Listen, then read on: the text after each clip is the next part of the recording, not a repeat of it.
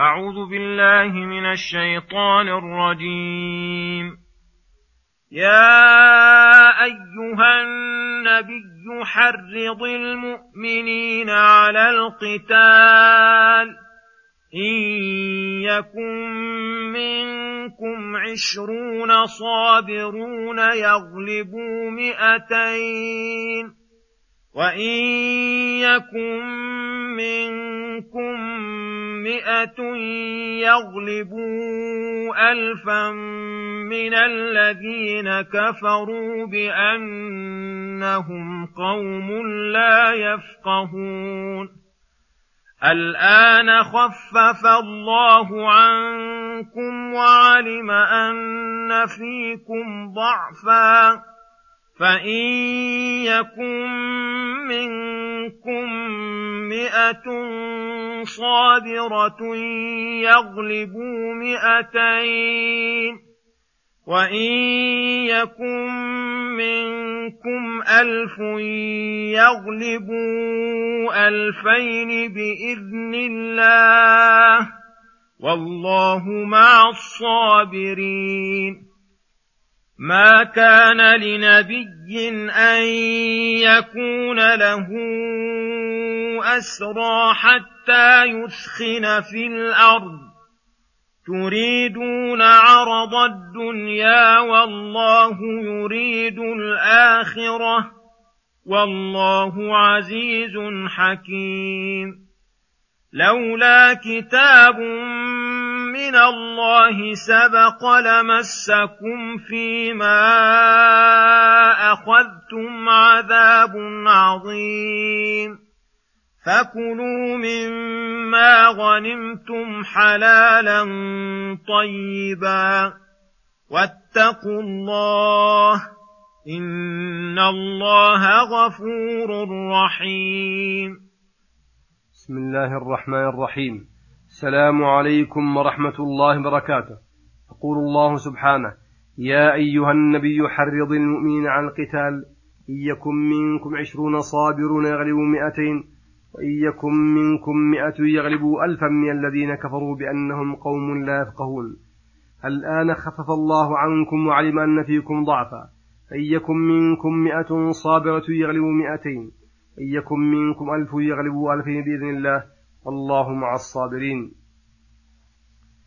يقول تعالى النبي صلى الله عليه وسلم يا أيها النبي حرض المؤمنين على القتال أي حثهم واستنهضهم إليه بكل ما يقوي عزائمهم وينشط هممهم من الترغيب في الجهاد ومقارعة الأعداء والترهيب من ضد ذلك وذكر فضائل الشجاعة والصبر وما يترتب على ذلك من خير في الدنيا والآخرة.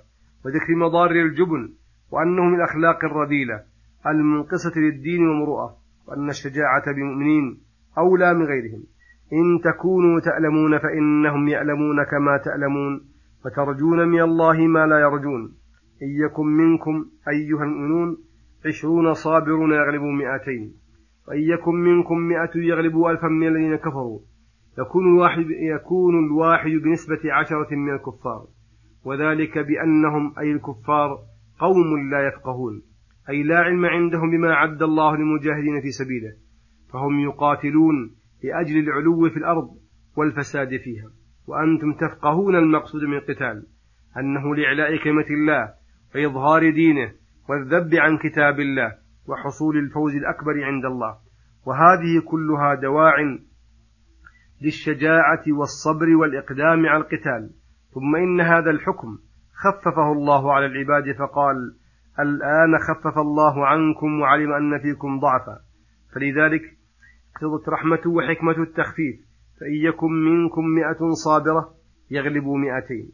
وإن يكن منكم ألف يغلبوا ألفين بإذن الله. والله مع الصابرين بعونه وتأييده.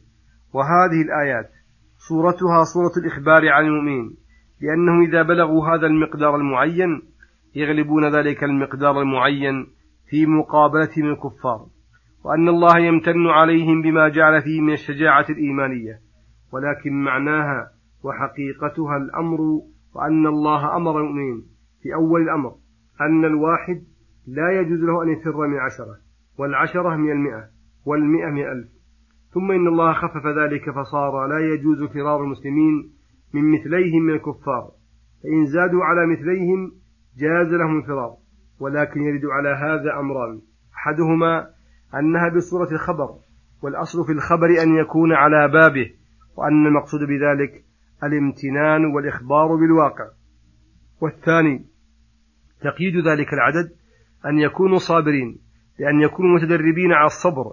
ومفهوم هذا أنهم إذا لم يكونوا صابرين فإنه يجوز لهم الفرار ولو أقل من مثلهم. إذا غلب على ظنهم الضرر كما تقتضي الحكمة الإلهية. ويجاب عن الأول لأن قوله الآن خفف الله عنكم إلى آخرها دليل على أن هذا الأمر لازم وأمر محتم ثم إن الله خففه إلى ذلك العدد. فهذا ظاهر في أنه أمر وإن كان في صيغة الخبر. وقد يقال إن في إتيان بلفظ الخبر نكتة بديعة لا توجد فيه إذا كان بلفظ الأمر.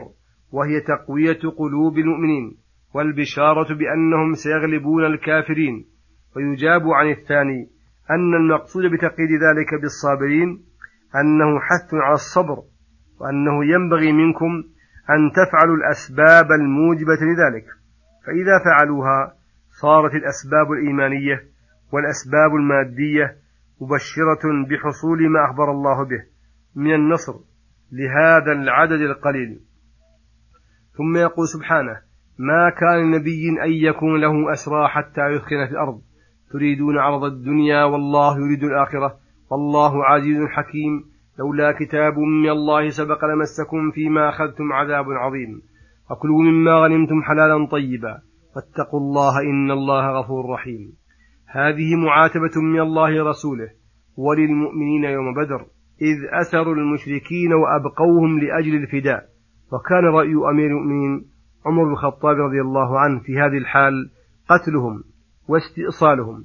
فقال تعالى ما كان نبي أن يكون له أسرى حتى يثخن في الأرض. أي ما ينبغي ولا يليق به إذا قاتل الكفار الذين يريدون أن يطفئوا نور الله ويسعون لإخماد دينه وألا يبقى على وجه الأرض من يعبد الله أن يتسرع إلى أسرهم وإبقائهم لأجل الفداء الذي يحصل منهم. وهو عرض قليل بالنسبة إلى المصلحة المقتضية لإبادتهم وإبطال شرهم فما دام لهم شر وصولة فالأوفق ألا يؤسروا. فإذا أثخن في الأرض وبطل شر المشركين واضمحل أمرهم فحينئذ لا بأس بأخذ أسرى منهم وإبقائهم. يقول تعالى تريدون بأخذكم الفداء وإبقائهم؟